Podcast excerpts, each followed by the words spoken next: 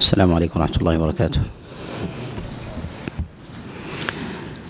الحمد لله رب العالمين وصلى الله وسلم وبارك على نبينا محمد وعلى آله وأصحابه ومن تبعهم بإحسان إلى يوم الدين. أما بعد ففي هذا اليوم السابع من شهر ذي القعدة عام خمس وثلاثين بعد الأربعمائة والألف نكمل ما شرعنا فيه من سورة النساء من تفسير آيات الأحكام الأحكام فيها وتكلمنا في آخر مجلس على قول الله سبحانه وتعالى الرجال قوامون على النساء.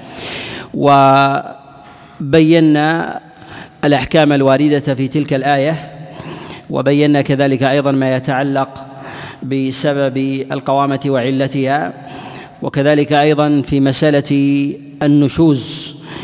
الذي يقع من الزوجة تجاه زوجها والحكمة الشرعية من جعل النشوز يكون من المرأة لا يكون من لا يكون من الرجل تجاه تجاه زوجته ومعلوم أن المخالفة إذا كانت من المرأة تسمى تسمى نشوزا. وأما إذا كان من الرجل على امرأته فإنه يكون ظلما فإنه يكون يكون ظلما. وذلك أن الأصل في النشوز في لغة العرب هو العلو لهذا يسمى المكان الناشز المرتفع. ومعلوم أن الرجل هو قيم على زوجته والقوامة مقتضاها في ذلك هي العلو بالأمر وكذلك أيضا النهي. على ما يجري في كلام الله سبحانه وتعالى وكلام رسول الله صلى الله عليه وسلم من غير بغي ولا ظلم وذلك حتى تنتظم حتى تنتظم مسألة الزوجية. فلا تنخدم بظلم ولا بغي ولا عدوان ولا تقصير في حق من في حق من من الحقوق. فذكر الله سبحانه وتعالى ما يتعلق بمسألة تقصير الزوجة مع زوجها وسماها نشوزا. وسماها نشوزا. وأما ما يتعلق بتقصير الرجل مع المرأة وما يكون أيضا من تقصير بينهما سماه الله عز وجل شقاقا سماه الله جل وعلا شقاقا كما يأتي معنا في هذه كما يأتي معنا في هذه الآية بإذن الله تعالى. ومن الأمور المهمة المتعلقة بمسألة الشقاق الذي يكون بين الزوجين أننا لو تأملنا أحكام الشريعة في حل النزاع والخصومة الواقعة بين الزوجين نجد أن الشريعة قد جعل ذلك على مرتبتين. المرتبة الأولى هو حل النزاع في البيوت حل النزاع في البيوت يعني من غير أن يخرج ذلك الأمر خارج البيوت. وهذا هي أو هذه هي المرتبة الأولى. والمرتبة الأولى لها درجات أو خطوات وأولها في ذلك هو الوعظ. فوعظ المرأة وتذكيرها بحق زوجها عليه وتخويفها من مخالفة أمر الله عز وجل ومغبة ذلك وتذكيرها كذلك بالفضل الذي جعله الله عز وجل بين الزوجين. والحق المتبادل في ذلك هذا يدخل في هذا من الوعظ. هذا يدخل في في الوعظ. فنقول إن المرتبة الأولى هي ما يكون في بيت الزوجية من غير أن يخرج إلى أهل الزوج ولا إلى أهل الزوجة ومن غير أن يخرج إلى السلطان ومن غير أن يخرج إلى السلطان. وهذا المعنى ما بينه الله سبحانه وتعالى في أحوال ثلاثة. أول هذه الأحوال الوعظ.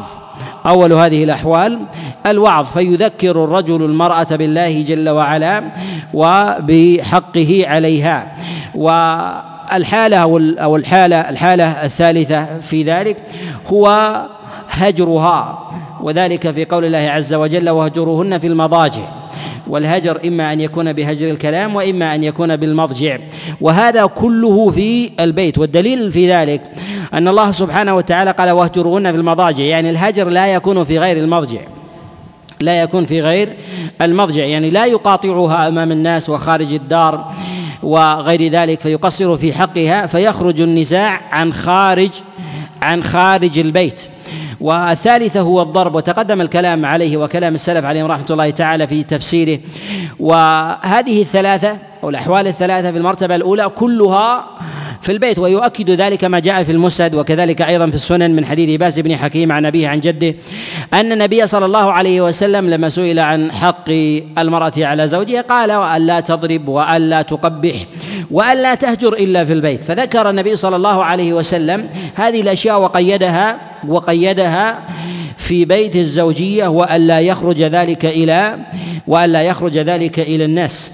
والسبب في ذلك أنه لا أعلم من الزوجين من بعضهما. وذلك أنهم يد ان أن الزوج والزوجة يدركان الحق الذي بينهما وهم أعلم بمصالحهما وروابطهما. فربما تكلم أحد لا يعنيه بقول أو قضاء أو حكم أو نصيحة أو ربما تعدى ذلك إلى غيبة ونميمة فأفسد فأفسد ذلك ما في البيت فأفسد ذلك ما في البيت. أما المرتبة الثانية وهي هنا في قول الله عز وجل وإن خفتم شقاق بينهما فهي المرتبة الثانية التي تتعدى إلى البيت. فنقول المرتبه الأولى ما كان من إصلاح في بيت الزوجية والمرتبة الثانية ما يكون من إصلاح من إصلاح خارج البيت. ويبدأ ذلك بأهل بأهل الزوجين ويبدأ ذلك بأهل الزوجين. فذكر الله عز وجل المعالجة التي تكون بين الرجل والمرأة في بيتهما ثم ذكر ما كان خارج البيت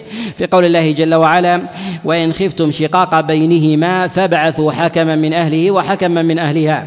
والمراد هنا الخوف وإن خفتم شقاق بينهما المراد بذلك هو الخشية وخشية الافتراق وزيادة الفجوة وزيادة الفجوة وكذلك أيضا النزاع والشقاق وهضم الحقوق والمزيد في ذلك. وعظم الإثم الذي يلحق الزوجين بتقصير بعضهما مع بعض فإنه يبعث في ذلك يبعث في ذلك حكمان يبعث في ذلك حكمان ليحكما بين الزوجين. والخطاب في قول الله جل وعلا وإن خفتم شقاق بينهما إلى من يتوجه؟ اختلف المفسرون في توجه الخطاب في قول الله جل وعلا. وإن خفتم شقاق بينهما اختلفوا في ذلك على أقوال ثلاثة. القول الأول قالوا إن الخطاب في ذلك يتوجه يتوجه إلى أهل الزوجين إلى أهل الزوجين بأن يبعثوا من من أهل كل بيت نفرا حكما حكما بين بين الزوجين. فإذا تراضيا عليه قضى في الصالح في الصالح بينهما قضى في الصالح في الصالح بينهما. وهذا القول هو الذي ذهب إليه ذهب إليه جماعة من المفسرين وهو قول وهو قول جماعة من الفقهاء من الحنابلة وكذلك أيضا الشافعية. والقول الثاني قالوا إن الخطاب في قوله وإن خفتم شقاق بينهما يتوجه إلى السلطان. يعني إن خاف السلطان الذي بلغه أمر الزوجين إما برفع أحد الزوجين أمره إلى السلطان أو بأمر بلغه ممن يبلغه في أحوال الناس فإنه يبعث أو يأمر ببعث حكم من أهل الزوج وحكم من أهل الزوجة. وهذا القول قال به بعض أئمة الفقه من التابعين كسعيد بن جبير وغيره سعيد بن جبير وغيره. القول الثالث قالوا إن المخاطب في ذلك هم الزوجين مخاطب في ذلك هم الزوجين. فإذا رأوا أن الشقاق سيزداد ولا يقبل أحدهما من الآخر فيبعثان حكمين من أهلهما جميعا. فيبعثان حكمين من أهلهما فيبعثان حكمين من أهلهما جميعا. وهذا القول قال به بعض المفسرين كالسدي والذي يظهر والله أعلم أن الخطاب للجميع أن الخطاب للجميع للسلطان ولأهل الزوجين وللزوجين جميعا. فمن بادر ببعث حكمين فله ذلك فمن بادر ببعث الحكمين فله ذلك سواء كان سلطانا أو كان من أهل الزوجين أو من الزوجين إذا رأيا أن أن الصلح لا يكون إلا أن الصلح لا يكون إلا ببعث حكمين من أهلهما. وهذا المتوجه والأصل في الأقوال الواردة عن السلف عليهم رحمة الله في التفسير أنها تحمل أنها تحمل على اختلاف التنوع لا اختلاف التضاد. على اختلاف التنوع على اختلاف التضاد كما نص على ذلك جماعة من أئمة الفقه وكذلك التفسير كسفيان بن عيينة وغيره أن أقوال المفسرين من السلف الأصل فيها أنها تحمل على اختلاف التنوع لا اختلاف التضاد لا اختلاف التضاد. وهذا بحسب غلبة المصلحة بحسب غلبة المصلحة في هذا الموضع. فإذا رأى الحاكم التدخل في أمر الزوجين ولو لم يرضيا. ولو لم يرضيا فيبعث أو يأمر ببعث حكمين. وإذا كذلك أيضا رأى أهل الزوجين أن أن أنه لا يصلح أمر الزوجين إلا ببعث حكمين منهم منهما فيبعثان حينئذ الحكمين ليحل الخصومات التي تكون بين بين الزوجين. قال وإن خفتم شقاق بينهما فبعثوا حكما من أهله وحكما من أهله هنا في التقييد بالحكمين قيد الحكمين بأهل الزوجين بأهل الزوجين. أي لا يكون من خارج الزوج من خارج بيت الزوجية أو أهل الزوج أهل الأزواج. وذلك مثلا من أهل الجوار أو مثلا من من غير من بيوت أجنبية أو بعيدة أو يقضي القاضي مثلا أو يندب أحدا من بيت أهل من من دار السلطان. حتى يحكم في أمر الزوجين. نقول السنة في ذلك أن يكون من أهل الزوجين لا من غيرهما. وهل هذا ملزم؟ وهل هذا ملزم؟ فابعثوا حكما من أهله أو حكما من أهلها. جمهور العلماء وأكثرهم على أنه ملزم. فلا بد أن يكون من أهل الزوجين لا من غيرهما لا من غيرهما. وحكى بعض العلماء الإجماع على ذلك. حكى بعض العلماء الإجماع على هذا. حكاه ابن عبد البر وابن رشد وفي حكاية هذا الإجماع نظر. في حكاية هذا الإجماع نظر والأظهر والله أعلم أن الشريعة إنما أرشدت إلى كون الحكمين من أهل الزوجين من أهل بيت الزوجية أن ذلك أقرب إلى معرفة الصالح من أمرهما بخلاف البعيد عنهما فلا يعرف طبائعهما وما يريدان وما يصلح لحالهما وحالهما كذلك أيضا من جهة الغنى والفقر والصحة والمرض وكذلك من جهة أخلاقهم وما يشكو وما يشكو أحدهما من الآخر فإن الأقربين أبصر بحال بحال أهل البيت. فلهذا أرشدت الشريعة إلى هذا. ولكن هل هذا على الإلزام؟ فإذا لم يوجد من أهل الزوجية يقال بعدم بعدم ثبوت الحكم فينتقل إلى غيره بالفسخ. فينتقل إلى غيره بالفسخ. فنقول إن حكاية الإجماع فيها نظر. وذلك أنه قد ثبت عن جماعة من الفقهاء من الشافعية إلى جواز بعث الحكمين من غير من غير أهل الزوجين. إذا قامت الحاجة في ذلك إذا قامت الحاجة في ذلك. وذلك أن النزاع الذي يكون بين الزوجين ربما يكون منهما وربما يكون من أهلهما. فبعث الحكمين من أهلهما لا تصلح به الحال. فإذا رأى الحاكم والقاضي أن يبعث حكمين من غير أهل الزوجين لمصلحة راجحة رآها لا توجد في أهل الزوجين صح منه ذلك. وهنا في هذا التقييد في قوله جل وعلا فابعثوا حكما من أهله وحكما من أهلها. هل من بعث من غير الحكمين يكون قد خرج عن أمر الله عز وجل أم أن الأمر في ذلك للدلالة والإرشاد؟ نقول إن الأمر في ذلك للدلالة والإرشاد ويؤكد ذلك ويعضده أن أصل بعث الحكمين ليس بواجب. أن أصل بعث الحكمين ليس ليس بواجب. فلا يجب على الزوجين ولا يجب على أهل الزوجين وجوبا يأثمان بتركه أن يبعث حكمين من منهما بل يقال هذا من الدلالة والإرشاد لما فيه صالح لما فيه صالح صالح الزوجين.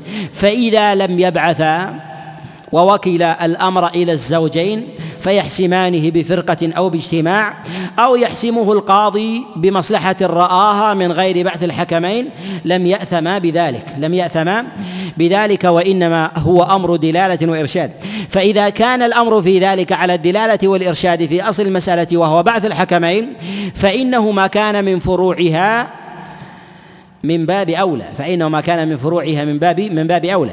إلا أن الغالب في صلاح أمر الزوجين من الحكمين أن يكونا من أهل الزوجية من أهل بيت الزوجية. وذلك لأنهم أعرف لأنهما أعرف بحال الزوجين وما يشكو بعضهما من بعض. وكذلك أيضا ما يسمعانه مثلا من من تظلم وشكاية وغير ذلك فإنهما أبصر بالحلول وأبصر بالعلاج وأبصر بالداء وكذلك أبصر بالدواء ولهذا أرشد الله عز وجل إلى ذلك وهذا هو الأعم الأغلب.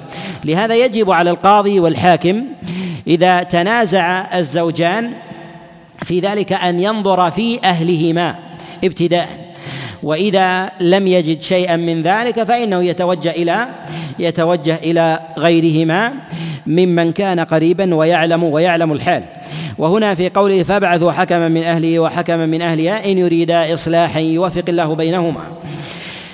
لما ذكر الله عز وجل الحكمين ذكر إرادة الإصلاح وفي هذا إشارة إلى عظم السريرة في صلاح أحوال الإنسان بل وصلاح غيره.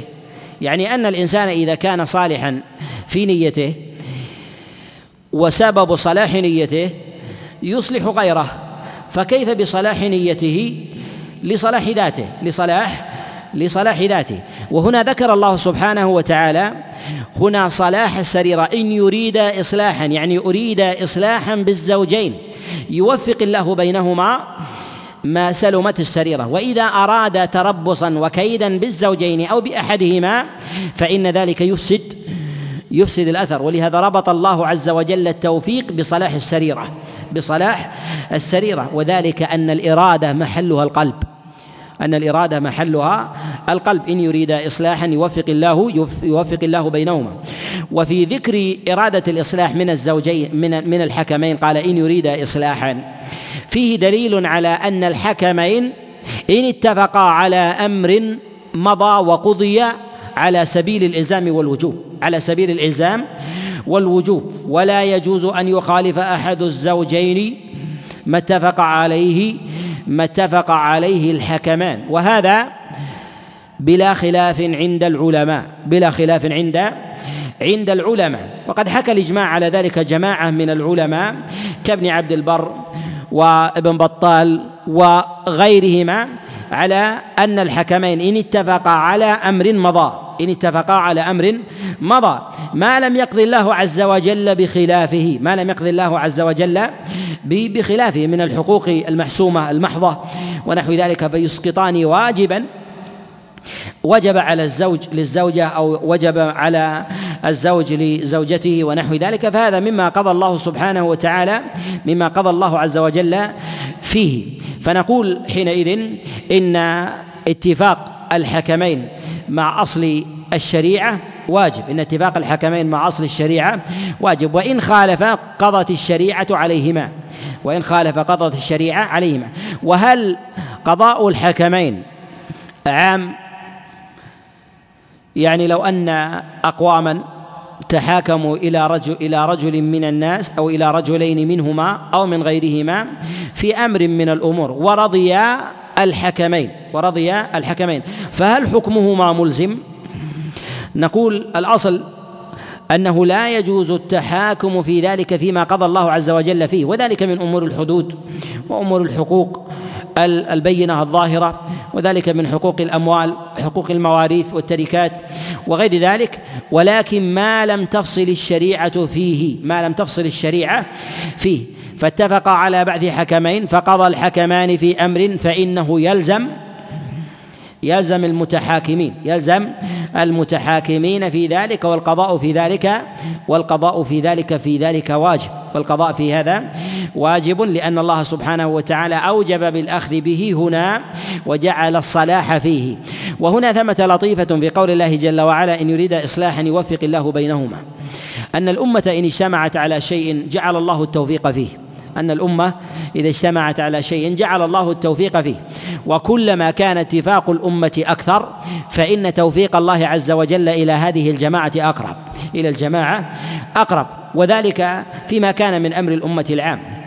فيما كان من أمر الأمة العام. وهنا لما ذكر الله اجتماع الحكمين وهما اثنان. جعل الله التوفيق في قوله ما إن أراد إصلاحا.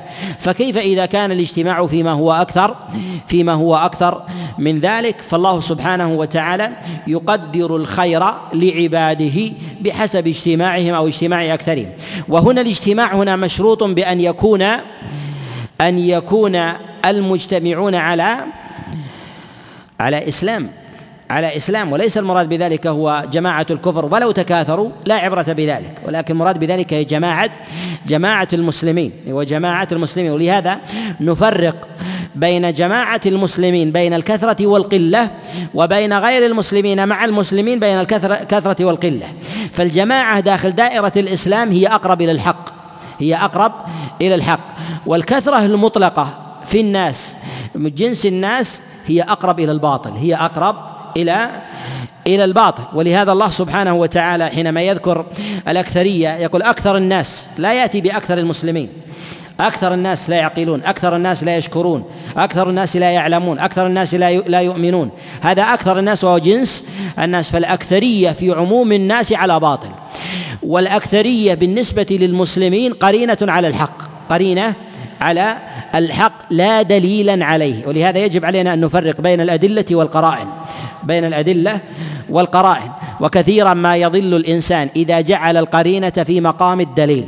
في مقام الدليل. وذلك بأخذ الأكثرية وأنها قرينة على الحق أو أخذ القلة على أنها قرينة على الحق أو أخذ البلاء على أنه قرينة على الحق أو دليل على الحق. بل هذه قرائن لا لا أدلة. قد يبتلى وهو على باطل وقد يكون غريبا وهو على باطل وقد يكون في كثرة وهو على باطل ويكون في كثرة وهو على حق. ولكن العبرة بذلك هي هي بالدليل. العبرة بذلك بالدليل ويستأنس الإنسان بما يرد عليه مع الدليل من غربة وابتلاء وغير ذلك مما يعترض مما يعترض مما يعترض الإنسان وكثيرا ما يضل الإنسان إذا جعل القرائن في مقام في مقام الأدلة في مقام الأدلة فيتيه الإنسان في هذا ويضل. وفي قول الله جل وعلا هنا يريد إصلاحا يوفق الله بينهما. إذا اتفق الحكمان على شيء مضى وأصبح ملزما وهذا محل إجماع. ولكن إذا اتفقا على أن يفرق بين الزوجين. فهل يمضيان الطلاق أم لا يمضيانه؟ هذه المسألة قد وقع فيها خلاف. وما عدا ذلك من مسائل قضاء الحكمين في أمر الزوجية فهو قضاء ملزم فهو قضاء ملزم. إلا الفرقة إلا الفرقة. فهل يقومان مقام الزوج بملك عصمة الزوجية فينزلان الطلاق؟ أم لا؟ قد وقع خلاف في بين العلماء في هذه المسألة. اختلفوا في هذه المسألة على على قولين. ذهب جماعة من العلماء إلى أن الطلاق ملزم. أن الطلاق ملزم. فيفرقان بينهما. فيفرقان بينهما. ولو قال بالطلاق فإنه يقع. إذا لم يطلق الزوج ويقبل. فإنه يقع إذا لم يطلق الزوج من نفسه و وذلك كحال أمر القاضي. فإن القاضي إذا أراد الفسخ لا بد أن يأمر الزوج بالطلاق أن يأمر الزوج بالطلاق. فإن أبى الطلاق فإنه يفسخ فإنه يفسخ. وتعتد المرأة من فسخ من فسخ الحاكم. كذلك أيضا بالنسبة للحكمين يأمران الزوج بالطلاق فإذا لم يطلق فيقضيان بالفسخ. والتفريق بينهما. وهذا القول هو القول آه الذي ذهب إليه جماعة من الخلفاء. قال به عثمان بن عفان وعلي بن أبي طالب وعبد الله بن عباس ومعاوية وجماعة من أصحاب رسول الله صلى الله عليه وسلم إلى أن قضاء قضاء الحكمين حتى في الفرقة ماض كغيره. وذهب إلى هذا القول جماعة من الفقهاء كمالك وهو رواية عن الإمام الشافعي رحمه الله وهو الأظهر والأقرب إلى إلى الصواب. وذهب جماعة من العلماء وهو القول الثاني إلى أن الحكمين لا يملكان الفرقة ولكن يملكان الإصلاح. وكذلك أيضا الأمر والنهي في زيادة النفقة وإنقاصها وحال السكنى وحال الكسوة وحال ما يكون بينهما من من هجر أو غير ذلك أو بقاء في أرض أو دار أو مسكن أو عمل أو تكسب أو غير ذلك فهو فهو ملزم. أما الافتراق قالوا لأن الله عز وجل قد جعل عصمة الطلاق بيد الزوج فلا تنتقل منه إلى غيره إلا بدليل صريح بين إلا بدليل صريح بين. ونقول إن هذه الآية مجملة. وأطلقت القضاء فجعلت التوفيق من الله مرهون باجتماعهما إن يريدا اصلاحا يوفق الله بينهما. فكل خلاف عن أمر الحكمين لا يخالف أمر الله فان فإن التوفيق معه. وإذا خولف فإن التوفيق في غيره ومقتضى ذلك الإلزام. ومقتضى هذا الإلزام. ومن قال بخلاف ذلك قالوا بأن الله عز وجل قد جعل الطلاق بيد الزوج فإذا أخذ من الزوج من غير نص صريح في هذه المسألة عينا فإن في ذلك مخالفة لأمر الله عز وجل فإنه أحرى ألا يقع فيه التوفيق. نقول يؤيد أن يؤيد العموم يؤيد العموم هو عمل الخلفاء الراشدين فقد صح ذلك عن عثمان وصح ذلك عن عن علي بن أبي طالب عليه رضوان الله ولا ولم يخالفهم. في ذلك أحد من الخلفاء فدل على على صحة هذا القول على صحة هذا القول. والقول الذي يقول به أحد الخلفاء في مسألة من المسائل ولا يوجد له مخالف من الخلفاء الراشدين فهذا قرينة على رج على على رجحانه وقوته. فكيف وقد انضم إلى الخليفة الراشد خليفة آخر وانضم إليه جماعة من الفقهاء أيضا من الصحابة كعبد الله بن عباس ومعاوية وغيرهم. لهذا نقول إن هذا القول هو هو الاصوب وقد جاء عند عند ابن سعد وكذلك ابن المنذر وعند ابن أبي حاتم من حديث عكرمة أن عثمان بعث عبد الله بن عباس ومعاوية حكمين. في عقيل بن أبي طالب وامرأته فقال لهما إن رأيتما أن تجمعا فاجمعا وإن رأيتما أن تفرقا ففرقا. وصح ذلك أيضا عن عبد الله بن عباس كما رواه علي بن أبي طلحة عن عبد الله بن عباس أنه قال في الحكمين إن رأيتما أن تجمع فاجمعا وإن رأيتما أن تفرقا ففرقا فجعل الأمر إليهما فجعل الأمر الأمر إليهما في الاجتماع وكذلك في الفرقة ويدخل فيه ويدخل في آه هذا الحكم ما دونه من من أحكام. ما يدخل دونه من من أحكام. القول الثاني ذهب إليه أبو حنيفة رحمه الله رواية عن الإمام أحمد وقال به أيضا الشافعي في أحد في أحد قوليه وقال به أيضا جماعة من الفقهاء من التابعين. والأرجح هو القول هو القول الأول بأن بأن الحكمين يملكان يملكان الاجتماع وكذلك أيضا التفريق. وفي قول الله سبحانه وتعالى إن الله كان عليما خبيرا. ذكر الله سبحانه وتعالى اسمين العليم والخبير. بعدما ذكر قضاء الحكمين وذكر إرادة الإصلاح وذكر تقدير الله لتوفيقه بناء على صلاح تلك الإرادة. إشارة إلى أن مثل هذه هذا هذه الأحكام مرتبطة بأمر غيبي بأمر غيبي وذلك بمآل الأمور وبواطن بواطن الناس وسرائرهم. وذلك أن الإرادة لا يطلع عليها أحد.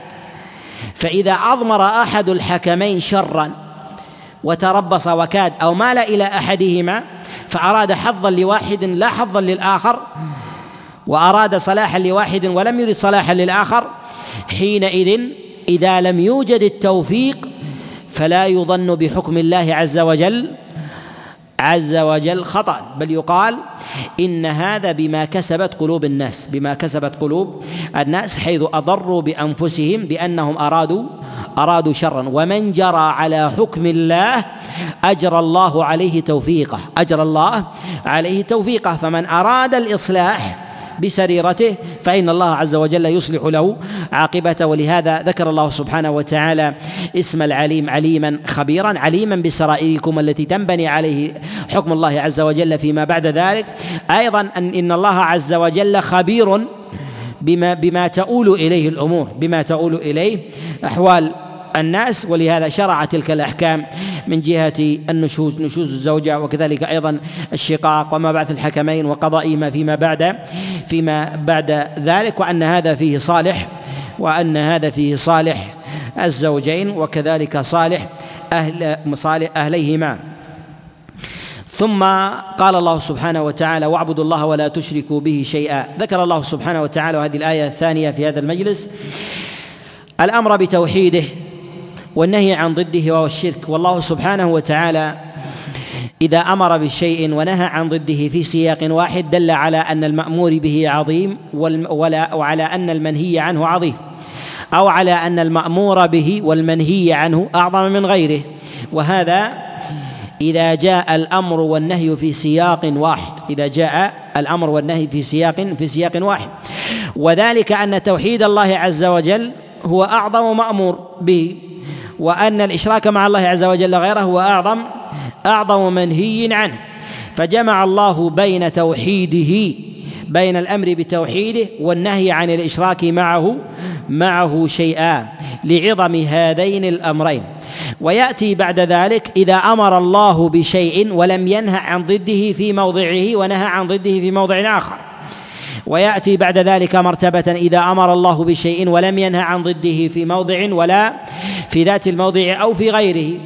ويأتي في أبواب المنهيات إذا نهى الله عن شيء وأمر بضده أو نهى الله عن شيء وأمر بضده في غير موضعه أو نهى الله عن شيء ولم يأمر بضده ولم يأمر بضده. وهكذا يأتي التدرج. التدرج في ذلك في مسألة معرفة مراتب المنهيات معرفة مراتب المنهيات. وهذا من القرائن التي يعرف فيه عظائم الأمور والأحكام. وإذا أردت أن تعرف منزلة هذا الحكم في الشريعة هل أمر الله به ونهى عن ضده؟ وهل أمر الله به ونهى عن ضده في سياق واحد؟ وهل أمر الله به ونهى عن ضده في سياق آخر؟ ثم أيضا من القرائن بعد الأمر والنهي عن الضد هو تكرار الأمر وتكرار النهي تكرار الأمر وتكرار النهي. فأعظم المأمورات أكثرها أمرا وورودا في الشريعة وأعظم المنهيات واكثرها نهيا ونجد أن أعظم ما أمر الله به في القرآن هو أكثر ما ما أمر الله به وأعظم ما أمر الله به وأكثر ما أمر الله به وهو التوحيد. وأن أعظم ما نهى الله عنه هو أكثر ما نهى الله عنه وهو الشرك. فتجد أيضا أن الله يأمر بالصلاة يأمر بالصلاة ولكنه لا ينهى عن تركها. وإن كان يتضمن الأمر النهي عن الترك يتضمن النهي عن الترك. فلا يقول أقيموا الصلاة ولا تتركوها. وذلك مع عظم مرتبتها وكونها ركن من أركان الإسلام لأن التوحيد آكد منها آكد منها في ذلك.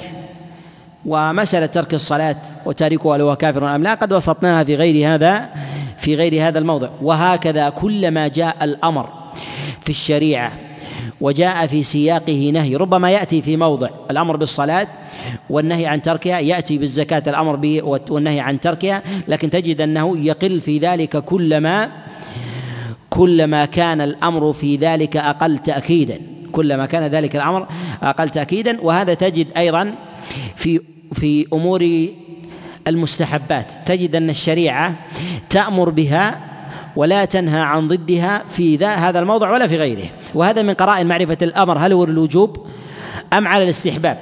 كذلك أيضا في النهي المنهيات من قرائن معرفة المنهي هل هو للتحريم أم للكراهة؟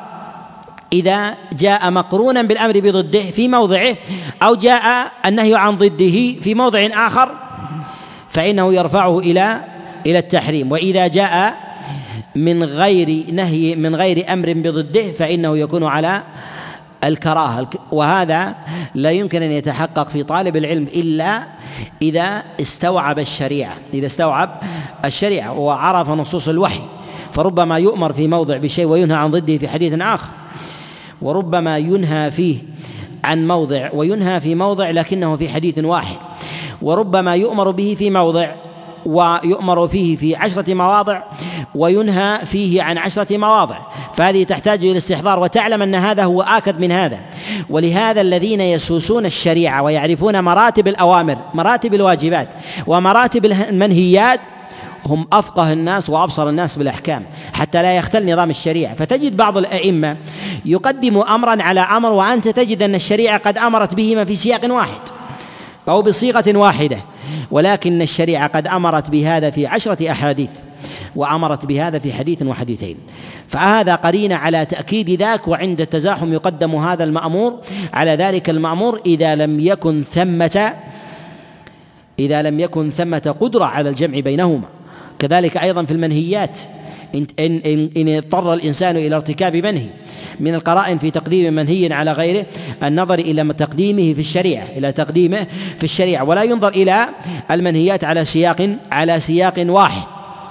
وهذا آه وهذا من آثار حفظ الشريعة وهذا من آثار حفظ الشريعة أن يكون الإنسان بصيرا آه، بكلام الله عز وجل بصيرا بسنة النبي عليه الصلاة والسلام حافظا لها حتى يعرف مراتب الأوامر التي أمر الله سبحانه وتعالى بها والمناهي التي نهى الله عنها وتعدادها وتكرارها وعدد من من رواه. ولهذا تجد كثيرا في كلام الأئمة عليهم رحمة الله الذين استوعبوا السنة آه، ك مالك وكذلك أحمد والشافعي يقول هذا فيه عشرة أحاديث هذا فيه خمسة هذا فيه عشرين هذا فيه مئة حديث. لماذا ذكر العدد؟ مع أن الحكم يثبت بواحد.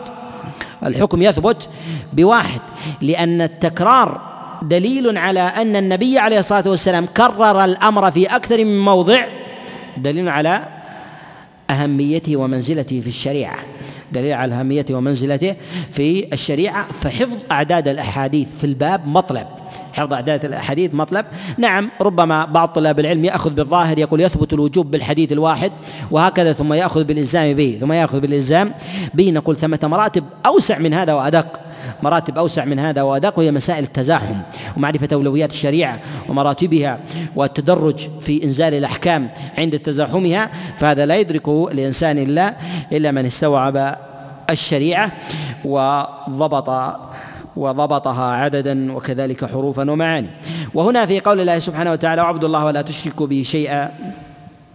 هنا الأصل في عبودية الله سبحانه وتعالى أنها أنها آه، يدخل فيها آه، جميع ما أمر الله عز وجل به وذلك من الصلاة والصيام والزكاة والحج فكلها من عبودية الله عز وجل. ولكن حملنا ذلك على التوحيد لقرينة أن الله سبحانه وتعالى إذا أراد الصلاة أمر بها على سبيل التخصيص وإذا أراد التوحيد أمر به على سبيل التخصيص والإجمال وقرن التوحيد بالنهي عن ضده وهو الشرك. ولهذا قال واعبدوا الله ولا تشركوا به ولا تشركوا به شيئا.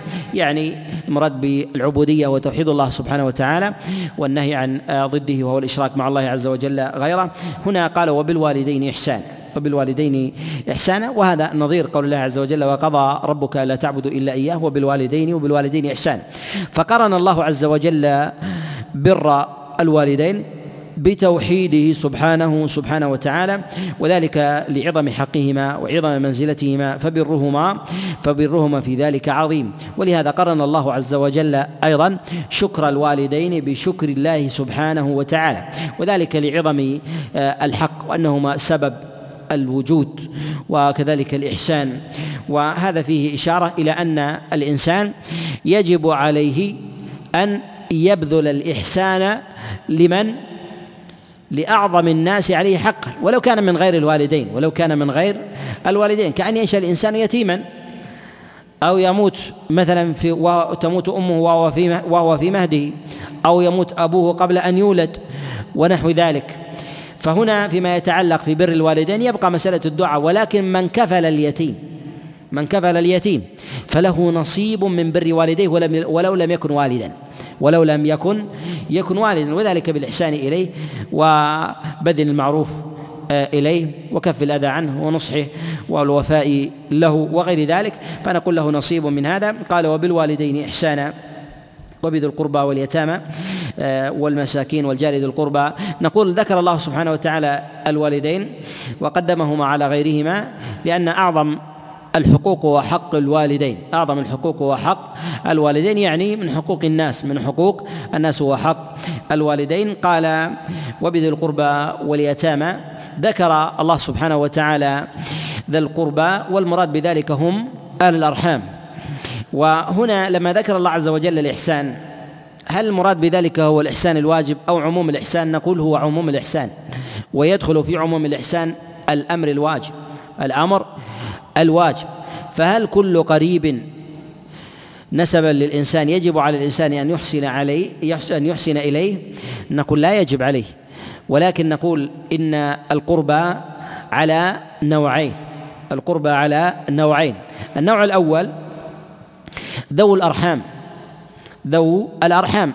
فيجب على الإنسان أن يحسن إليهم وأن يصلهم وأن يبرهم وقد اختلف العلماء عليهم رحمة الله تعالى في ذوي الأرحام على أقوال ثلاثة تقدمت معنا في أوائل أظن في أوائل سورة النساء في أوائل سورة سورة النساء تقدم معنا الإشارة الإشارة إليهم. والثاني ذوي القربى من غير ذوي الأرحام من غير ذوي الأرحام. فكل ما لا يدخل في الأرحام الذين يجب وصلهم فإنه يتأكد في حق في حق الإنسان أن أن يحسن إليهم وذلك بالإحسان إليهم بالصلة أو قضاء الحاجة أو دفع الضر أو غير ذلك مما مما يعده الناس إحسانا مما يعده الناس إحسانا. قال وبذي القربى واليتامى والمساكين واليتيم هو من فقد أباه قبل بلوغه.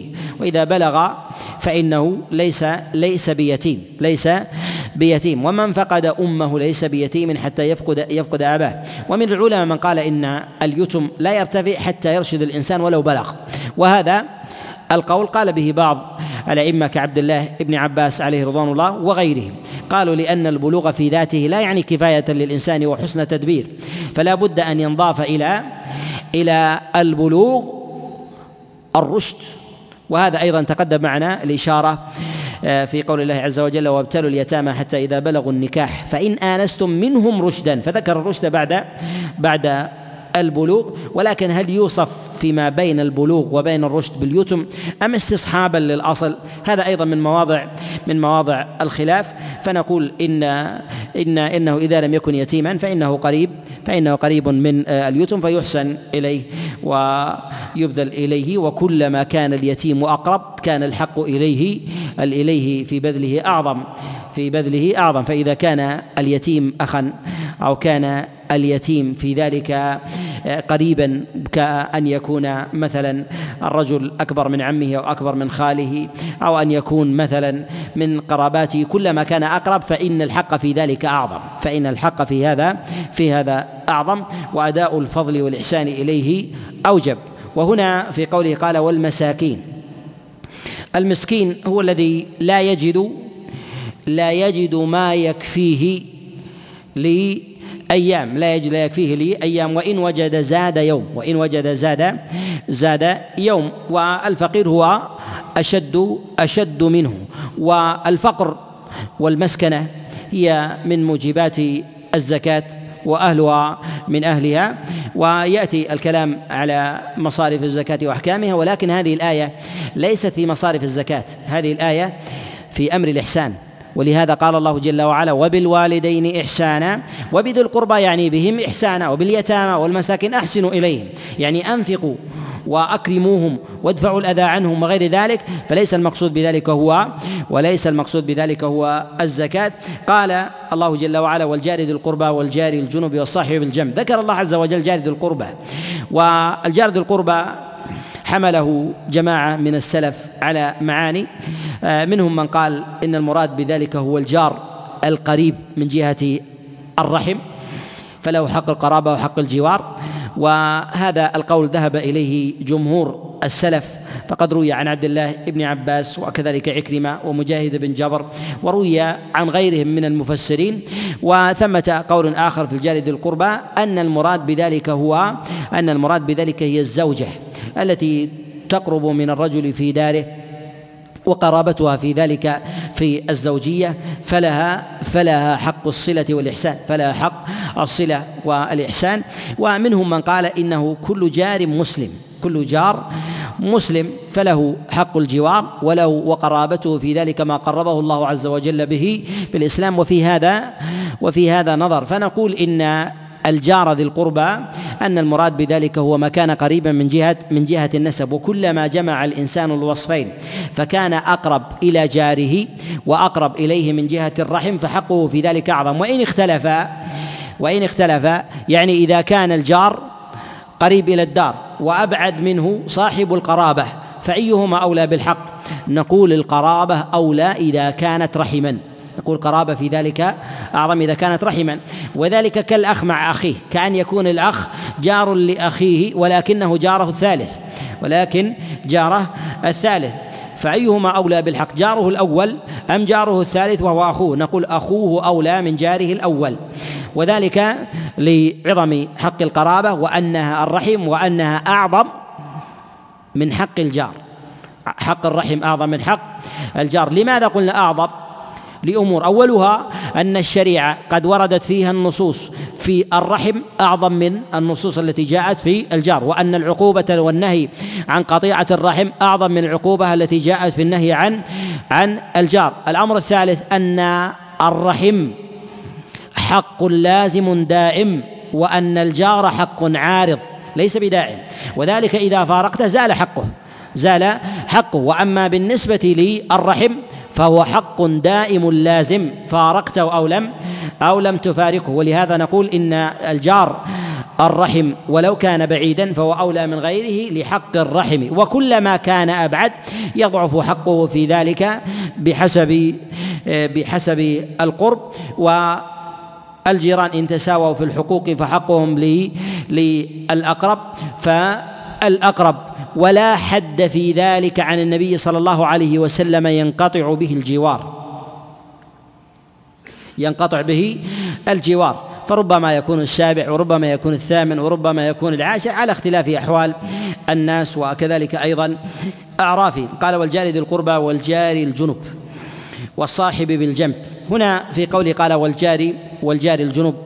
من العلماء من قال إن الجار الجنب المراد بذلك هو الجار الذي ليس له حق حق إلا حق الجوار والقربى والمجانبة. فليس مسلما فحملوا ذلك على الجار الذي يكون يهوديا أو نصرانيا فله حق الجوار لقربه. ومنهم من قال إن المراد بذلك هو بيان حق القريب من من البعيد. ومنهم من قال أيضا إنه في الزوجية أيضا. وهذا جاء عن علي بن أبي طالب وعن عبد الله عن عبد الله ابن مسعود. ومنهم من قال إن الجار الجنب في ذلك هو الرفيق للإنسان ونقول اظهر في ذلك أنه الجار الذي جاور الإنسان وقاربه آه، من جيرانه ولا يظهر في ذلك دخول الزوجية في هذا لأن الحق في ذلك أوسع وتقدم بسط ذلك في الآيات السابقة. فناسب بيان الحقوق التي هي أبعد من حق من حق الزوجية وحق حق الجوار. قال والصاحب بالجنب. والمراد بالصاحب بالجنب هو الرفيق والصديق سواء كان في حل أو في سفر سواء كان في حل أو أو في سفر. وهذه الآية في حق الأصدقاء والأصحاب وهذه الآية في حق الأصدقاء والأصحاب. وهذا دليل على وهذا دليل على عظم الصحبة والرفقة وأن الله عز وجل أمر بها إذ قرنها بما قرنها به من حق الوالدين وذي القربى واليتامى والمساكين وقرنها بحق الجوار. ولكن حق الجوار أعظم من حق الصحبة. حق الجوار أعظم من حق من حق الصحبة. لأن الصحبة عارضة. وأما الجوار فأكثر دواما فأشد دواما. فالجار من جهة جاره أكثر ملاصقة ودواما له. وذلك أيضا أن الجوار صحبة وجوار. صحبة وجوار. فيصاحب جاره في مسجده وفي مجلسه وفي آه، وليمته أو نحو ذلك. فهذا نوع من من الصحبة. بخلاف الصحبة التي ليست بجوار فإنها رفقة رفقة عارضة تطرأ على الإنسان في يومه أو في أسبوعه أو في شهره أو نحو ذلك. وكلما كانت أعظم فالحق في ذلك في ذلك أعظم. وقد جاء عن عبد الله بن عباس وكذلك مجاهد بن جبر أنه فسر قول الله جل وعلا وصاحب وصاحب الجمع قال هو الرفيق في السفر. الرفيق في السفر يعني يكون في في سفر الإنسان فيكرم ويحسن إليه.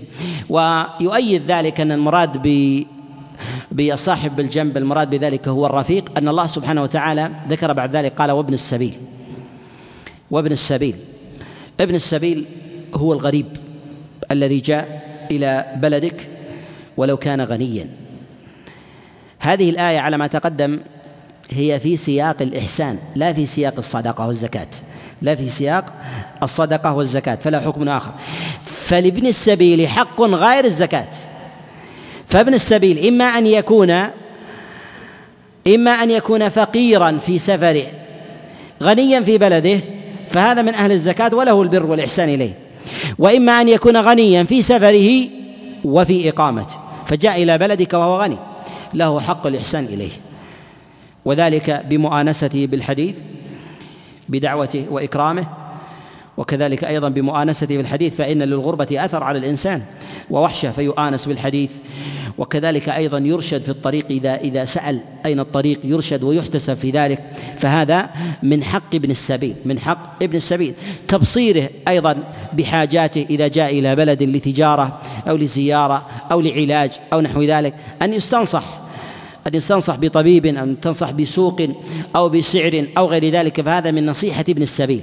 فهذا من من نصيحة ابن السبيل. وهو من الإحسان إليه من الإحسان إليه. وهنا في المجانسة في قول الله عز وجل وصاحب بالجنب وابن السبيل.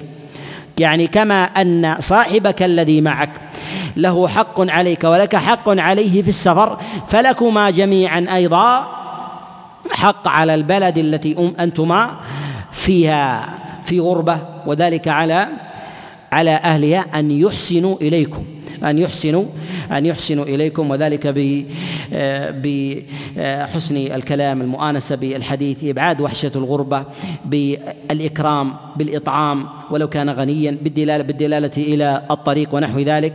فإن هذا من الإحسان إلى ابن ابن السبيل ويخطئ من يظن أن حق ابن السبيل إنما هو في الزكاة إذا انقطع به السبيل. ليس كذلك بل حقه كذلك بإرشاده إلى الطريق بدلالته إلى منافعه في البلد وكذلك مواضع الخطورة بنصحه بمؤانسته بالحديث إدخال السرور عليه. الإيلام له إكرامه إطعامه. ولو كان ولو كان غنيا فإن ذلك من حقه من حقه على على الناس. وفي قول الله جل وعلا وما ملكت أيمانكم. مراد بما ملكت أيمانكم هم ملك اليمين عبيدا وإماء فلهم حق الإحسان إليهم فلهم حق الإحسان إليهم. وإنما ذكر الله سبحانه وتعالى هنا ما ملكت الأيمان. وذلك لأنهم أكثر الناس عرضا لهضم حقوقهم لأنهم من أكثر الناس لحوقا للاذى بهم فإنهم هم الذين يجلبون الأرزاق ويخرجون للأسواق ويشترون ويبيعون ويقضون حاجة الناس بالزرع والسقي وغير ذلك.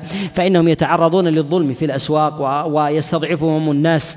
وربما لحقهم من من الأذى والضرب وسلب المال وغير ذلك فيحتاجون إلى إلى الإحسان إليه. وإكرامه فربما تستضعفهم النفوس فلا تبالي عليهم بالسلام ولا بقضاء الحاجة ولا بإعطاء الحق وغير ذلك فحرصت الشريعة على إكرامهم والإحسان إليهم.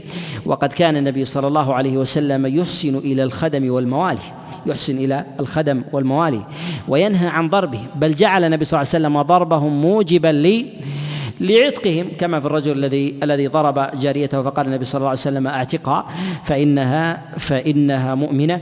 وأيضا في النبي عليه الصلاة والسلام في انتصاره لمظالم الموالي والايمان لما انتصر لبريرة آه، من أهلها لما ظلموها لما أعتقوها واشترطوا لهم الولاء وكان الإعتاق من من غيرهم. فقال النبي عليه الصلاة والسلام ما بال أقوام يشترطون شروطا ليست في كتاب الله وهي قضية أمة من إماء المدينة. فقال النبي عليه الصلاة والسلام وانتصر لها على منبره. كذلك وذلك أيضا في حديث أنس بن مالك كما جاء في البخاري وغيره أنه قال كانت الأمة من إماء المدينة تاخذ بيد النبي عليه الصلاة والسلام وتذهب به حيث شاءت وهذا لأنها تشتكي إلى رسول الله إما من سيدها وإما من رجل ظلمها في السوق أو ظلمها في الطريق أو غير ذلك فالنبي عليه الصلاة والسلام يقضي حاجتهن وكذلك أيضا يقوم بالانتصار لهن واعطاء الحقوق لهن فهذا فهذا من عظم الحق. وعظم شريعة الإسلام. وهنا أيضا من اللطائف أن الله سبحانه وتعالى لما ذكر الحقوق قال إن الله لا يحب من كان مختالا فخورا. ذكر الخيلاء والفخر بعدما ذكر الحقوق. لأن هذه الحقوق كلها تتنافى مع الخيلاء والفخر تتنافى مع الكبر جماع ذلك الكبر. المتكبر لا يمكن أن يكون صاحب إحسان. إلى الجيران صاحب إحسان إلى الموالي والخدم صاحب إحسان إلى ابن السبيل أو غير ذلك. لماذا؟ لأنه يتكبر على الناس يتكبر على على الناس. فجاءت الشريعة في بيان أن الكبر يتنافى مع هذه الأشياء وأنه لا يفعلها إلا متواضع لله ولأحكامه متواضع لخلق الله متواضع لخلق الله. ولهذا من أراد أن يهذب نفسه من الخيلاء والفخر والكبر فليمتثل أمر الله في ذلك. وذلك بالإحسان إلى الوالدين. وهل يتنافى الكبر مع الإحسان الوالدين؟ بر الوالدين؟ نعم. ماذا قال الله عن عيسى؟ وبرا بوالدتي ولم يجعلني جبارا. متجبر متكبر. لا يمكن أن يكون بارا. لا يمكن أن يكون أن يكون بارا. وكلما زاد التكبر فيه أنف من أن أن يقدم خدمة لغيره. ولو كان والديه أو ربما يجعل بينه وبين والديه خادما. إذا كان فيه شيء من الخير جعل فيه بينه وبين والديه خادم عن بعد. ولكن التواضع هو الذي يكسر النفوس ويؤدي الحقوق. وكلما ابتعد الإنسان عن هذه الأوامر فأمارة على كبره. ولهذا كلما تكبر الإنسان ابتعد عن رحمه. فلا يصل الرحم ولا يحسن إليهم. وابتعد عن اليتامى وابتعد عن الفقراء والمساكين ومخالطتهم ومخالطة الضعفاء لأنهم لا يليقون بجنسه ولا يليقون بملبسه ومركبه وهيئته وغير ذلك ودافع ذلك هو الكبر والاختيال والفخر. فجاءت الشريعة ببيان هذا ببيان هذا الأمر فليلتمس الإنسان ذلك في نفسه فليلتمس الإنسان في ذلك في نفسه كذلك أيضا في الجلوس مع الخدم مواكلتهم الإحسان إليهم إطعامهم السؤال عن أحوالهم قضاء حاجاتهم. إن اشتكى أحد أو لديه مظلمه انتصر له ولو كان ضعيفا. ولو كان ضعيفا. ومن الخطأ والزلل أن الإنسان لا ينتصر إلا لمن يعرف. لا ينتصر الإنسان إلا لمن يعرف. قد يأتيك غريب أو يأتيك رجل مسكين. ليس له أحد في البلد. كالعماله أو الخدم فيشتكي من أحد ظلمه. اعلم أن هذا كما أنه ابتلاء من الله له فهو نعمة من الله جرها إليك. فانتصر فانتصر له ولو كان لا يعرفك. والله سبحانه وتعالى كلما كان الإنسان أعجز عن الانتصار لنفسه يثيب المنتصر أعظم من غيره. فرجل يستطيع أن ينصر كل أحد ويجد من الناس من؟ من ينصره فهذا دون ذلك مرتبة. والرجل إذا كان ضعيفا لا يجد ناصرا ينصره ولو كانت مظلمته يسيرة فإن الانتصار له أعظم من الانتصار الانتصار لغيره لعظم أثره على على قلبه لعظم اثره على قلبه ونفسه ولا يقول فلان أني أنا فلان ابن فلان أو كذا لما هذا ينصره غيري أو نحو ذلك. لا امشي معه ولو كان خادم. فلست أكرم من رسول الله صلى الله عليه وسلم الذي يمشي مع الأمة ويمشي مع الموالي والعبيد للانتصار لهم وقضاء وقضاء حاجاتهم.